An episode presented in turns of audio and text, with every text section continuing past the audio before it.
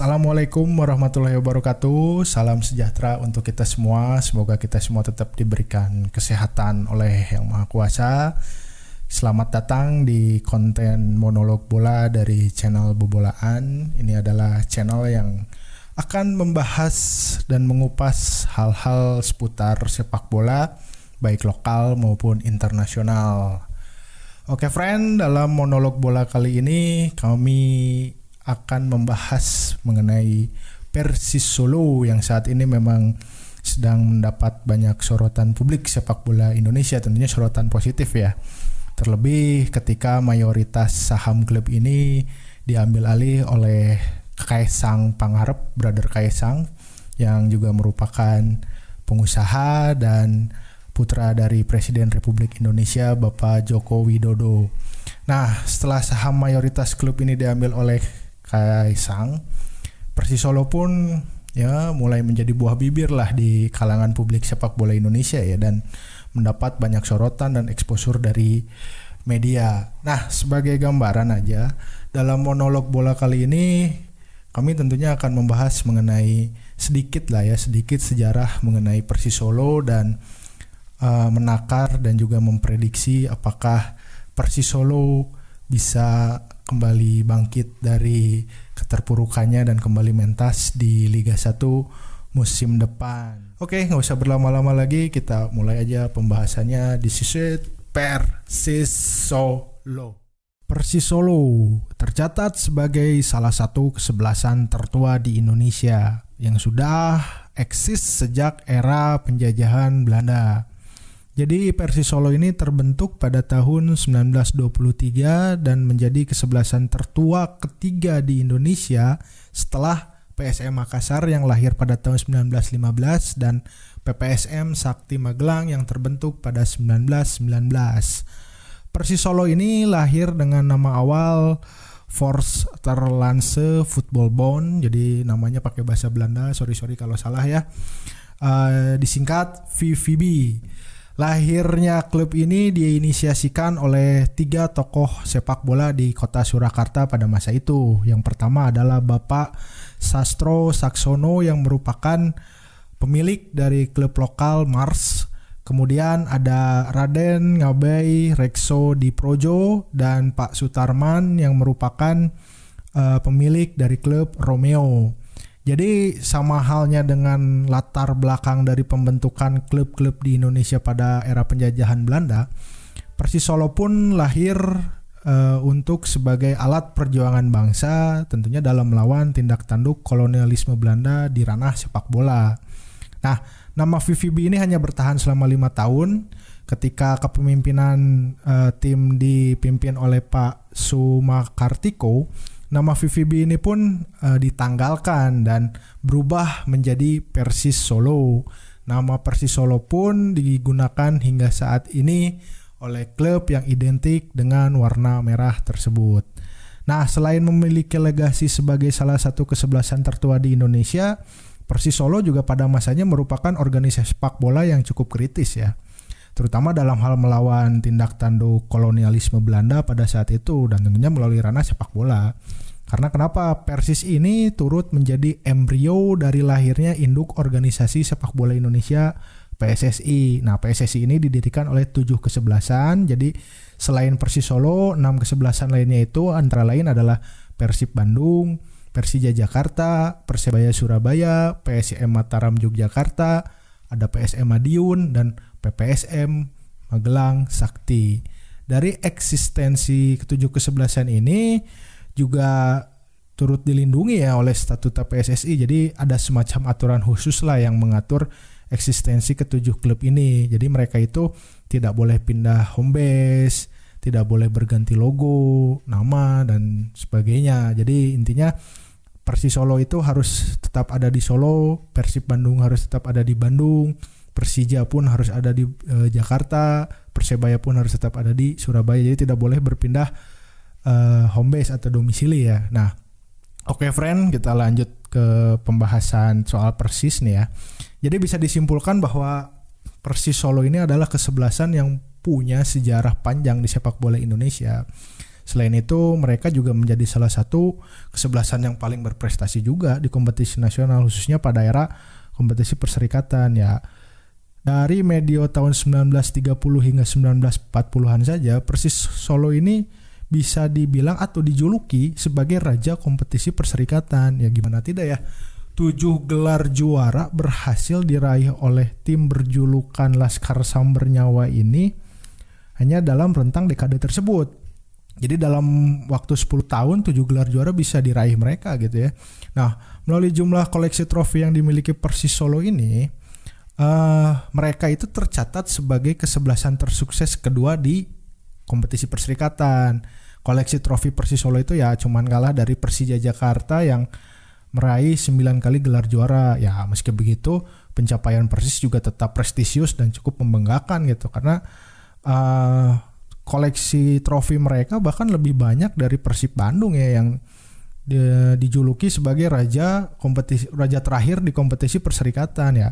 Julukan raja terakhir kompetisi perserikatan untuk Persib itu ya karena uh, klub perjulukan Maung Bandung itu menjadi juara di edisi terakhir kompetisi perserikatan musim 1993-1994. Jadi kalau melihat rentetan prestasi dan sejarah panjang ini Persis Solo itu pada pada era tersebut sangat-sangat superior ya. Ya sama seperti halnya kehidupan, ya kehidupan itu kan seperti roda, kadang ada di bawah, kadang ada di atas. Nah, ya, hal ini juga berlaku untuk uh, prestasi Persis Solo ya. Jadi ketika para pesaing itu terus melaju dan menorehkan banyak prestasi di kompetisi nasional, Persis Solo justru mengalami stagnansi prestasi. Jadi sejak medio 1940-an itu eh, prestasi Persis Solo itu cenderung melorot. Nah, nama Persis Solo itu bahkan dalam tanda petik nih ya, perlahan mulai diasingkan dalam perebutan gelar juara kompetisi nasional. Nah, mungkin situasi ini terjadi hingga masa setelah kemerdekaan. Bahkan di era tahun 1990-an, nama Persis Solo justru lebih eksis di kompetisi strata bawah ya, baik itu strata kedua maupun ketiga. Contohnya pada eh, tahun 1994 ketika wajah kompetisi sepak bola Indonesia itu berubah menjadi Liga Indonesia. Jadi Liga Indonesia ini adalah uh, kompetisi semi profesional pertama di Indonesia karena hasil peleburan dari kompetisi Galatama dan kompetisi perserikatan. Oke, kembali lagi ke tema. Jadi di era Liga Indonesia pun nama Persis itu tidak terlihat di daftar kontestan, kontestan divisi utama yang merupakan kompetisi strata utama dalam piramida kompetisi sepak bola Indonesia kala itu. Nah, di tahun 1994-1995 itu Persis justru bermain di divisi 2 atau strata ketiga. Nah, kesulitan Persis Solo untuk bisa kembali bermain di level tertinggi sepak bola Indonesia ini teh setidaknya berlangsung hingga tahun 2006. Ya bisa dibilang eh, 2006 ini sebagai titik awal kebangkitan Persis. Karena pada saat itu pada akhir musim tersebut mereka bisa menjadi runner up uh, kompetisi divisi 1 akhirnya mereka pun berhak untuk promosi ke divisi utama. Hanya sayangnya di divisi utama 2007 itu kiprah Persis tidak berlangsung lama. Padahal kalau melihat performa mereka dan komposisi skuad yang mereka miliki itu sebenarnya tidak jelek-jelek amat ya. Mereka sempat uh, mengalahkan Persebaya Surabaya dengan skor yang cukup telak bahkan sempat mengalahkan PSM Makassar juga dengan skor tipis 3-2 dan komposisi pemain mereka pun juga uh, bisa dikatakan mumpuni ya karena ada nama-nama seperti Greg Nokolo hingga Rudi Widodo. Cuman ya nasib berkata lain gitu. Pada akhir kompetisi Persis Solo hanya mampu duduk di peringkat ke 11 pada saat itu dan akhirnya mereka harus puas kembali terdegradasi dan bermain di divisi utama yang pada saat itu menjadi uh, strata kedua kompetisi Indonesia karena strata pertamanya berganti menjadi Liga Super Indonesia.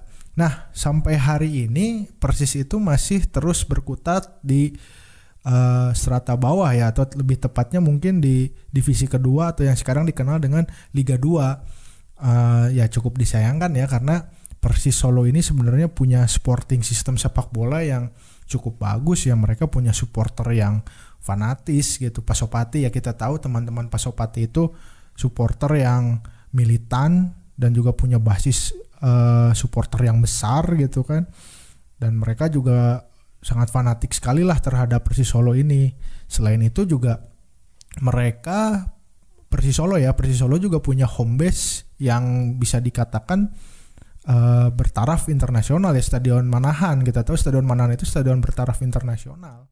Nah setelah sekian lama selama belasan tahun atau bahkan puluhan tahun ya terus uh, eksis di kompetisi strata bawah di tahun 2021 ini mulai terlihat nih ambisi dari Persis Solo untuk bisa bermain di kompetisi level utama. Bahkan lebih daripada itu ya, menurut asumsi saya sih Persis Solo ini sedang mencoba untuk menjalankan sebuah proyek uh, yang tujuannya untuk membangkitkan kejayaan mereka yang lama terlelap gitu. Nah, kalau menurut saya sih memang kalau melihat dari sejarah panjang dan prestasi yang pernah diraih oleh Persis Solo ini ya wajar sih kalau misalkan mereka uh, berambisi untuk kembali ke level utama dan kembali bangkit untuk menancapkan kejayaannya di pentas sepak bola nasional gitu bahkan seharusnya dilakukan sejak lama gitu. Nah di tahun 2021 ini gebrakannya itu terlihat lah. Jadi gebrakan awal yang dilakukan Persis untuk merealisasikan target promosi itu dimulai sejak kepemilikan saham mayoritas klub ini diambil oleh Kaisang Pangarep Nah, eh, Kaisang ini setelah seperti yang kita singgung di awal, beliau adalah pengusaha dan juga eh, putra dari Presiden Republik Indonesia Bapak Joko Widodo. Nah, Kaisang ini tidak sendiri dalam membeli eh, saham mayoritas dari Persis Solo. Eh, dia juga berkongsi dengan eh, Erick Thohir. Kita tahu Pak Erick Thohir itu adalah seorang pengusaha sukses, sekarang menjabat sebagai Menteri BUMN. Di sepak bola juga pengalamannya sangat luar biasa Beliau adalah mantan presiden klub Internazionale Milan, Inter Milan, klub raksasa dari Italia. Kemudian juga mantan wakil komisaris utama di PT Persib Bandung Bermartabat yang merupakan perusahaan yang menaungi manajerial tim Persib Bandung. Nah, satu nama lainnya adalah Kevin Nugroho yang juga merupakan pengusaha. Jadi untuk pembagian sahamnya sendiri nih. Kaisang itu memegang 40% saham Persis Solo, tentunya yang terbesar kemudian Kevin Nugroho dengan 30% saham klub, dan Pak Erick Thohir dengan 20% saham klub di Persis Solo. Sementara sisanya sebesar 10% saham klub itu tetap dipegang oleh 26 tim internal Persis Solo. Nah kehadiran Kaisang, Erick Thohir dan Kevin Nugroho ini seperti membawa angin segar ya, seperti membawa semangat atau spirit baru gitu untuk misi kebangkitan Persis Solo di kancah sepak bola nasional. Karena kehadiran mereka juga membawa dampak yang sangat signifikan untuk uh, kondisi finansial mereka, untuk finansial mereka gitu. Nah, terlihat jelas nih dalam pergerakan mereka di bursa transfer awal musim 2021 ini. Persis Solo sangat jor-joran sekali di bursa transfer ya. Sejauh ini ya, sejauh ini ya, sudah ada 34 pemain baru yang didatangkan persis ke kota Bengawan ya ini sih namanya kayak rombak squad sih ya 34 pemain baru belum ditambah pemain lama yang bertahan gitu kan. Banyak sekali gitu. Nah menariknya juga dari 34 pemain baru ini sebagian besar berstatus sebagai pemain bintang di sepak bola Indonesia. Ya kita sebut aja lah ada nama Alberto Beto Gonçalves, kemudian Eki Taufik, pemain senior yang lama bermain di Persela Lamongan. Beto juga pemain senior ya dan punya banyak pengalaman dia pernah main di Persipura, main di Sriwijaya, terakhir main di Madura United dan meskipun usianya udah 40 tahun sebagai seorang striker dia masih galak di kotak penalti. Nah, kemudian ada juga penyerang muda Marinus Manewar. Ada juga top skor Piala Menpora 2021 Asanur, Rizal Torres, kemudian ada Miftahul Hamdi. Ya, yang terakhir adalah Rivaldi Bowo yang dipastikan menjadi andalan skuad Eko Purjianto di musim 2021.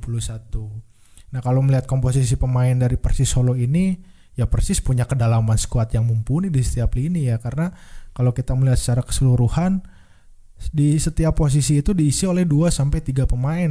Posisi penjaga gawang malah ada 4. Uh, eh, di sana juga ada nama-nama yang nggak kalah tenar gitu kan. Salah satunya adalah kiper muda potensial Erlangga Setio yang kita tahu dia adalah kiper timnas dan juga pemain hasil binaan di klub Persib ya. Nah dengan skuad mewah dan bertabur bintang ini saya rasa Persis Solo ini sejatinya sebenarnya ya kalau lihat skuadnya yang saat ini itu sebenarnya sudah bisa bersaing secara kompetitif di level Liga 1 malah.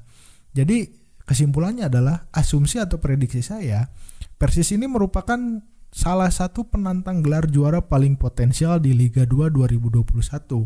Tentunya mereka juga menjadi kesebelasan yang punya kans paling besar ya. Ini menurut saya ya untuk promosi ke Liga 1 musim depan. Nah, belum lagi kan untuk pemain sendiri rumor transfer masih melibatkan Persis dengan sejumlah pemain. Sebelumnya mereka sempat di gadang-gadang atau dirumorkan sempat dirumorkan dengan Ezra Walian, uh, penyerang Persib Bandung itu katanya mau didatangkan dengan status pinjaman, tapi kayaknya enggak sih ya. Nah, kemudian ada juga uh, Greg Nokolo, terakhir ada Egi Maulana. Jadi ya masih uh, banyaklah rumor transfer dan masih memungkinkan bagi Persis Solo untuk menambah pemain di skuadnya untuk musim ini. Nah, tapi kita lihat aja lah bagaimana ya kiprah Persis Solo dalam mengarungi Liga 2 musim ini apakah mereka benar-benar bisa menjawab ekspektasi publik sepak bola Solo untuk kembali bermain di level teratas eh, atau seperti apa gitu ya. Tapi kalau saya sih yakin ya mereka bisa promosi apa kalau melihat skuad mereka cuman yang harus diingat juga persaingan di Liga 2 musim ini juga semarak gitu ya selain Persis yang menjadi sorotan itu ada beberapa tim lainnya seperti Rans Cilegon FC, Dewa United, juga ada PSMS Medan, kemudian ada PSIF Mataram. Ya, jadi memang semarak dan kita lihat aja lah bagaimana kiprah Persis Solo di Liga 1 eh di Liga 1, di Liga 2 musim ini apakah mereka bisa promosi atau seperti apa kita lihat dalam satu musim kompetisi ini.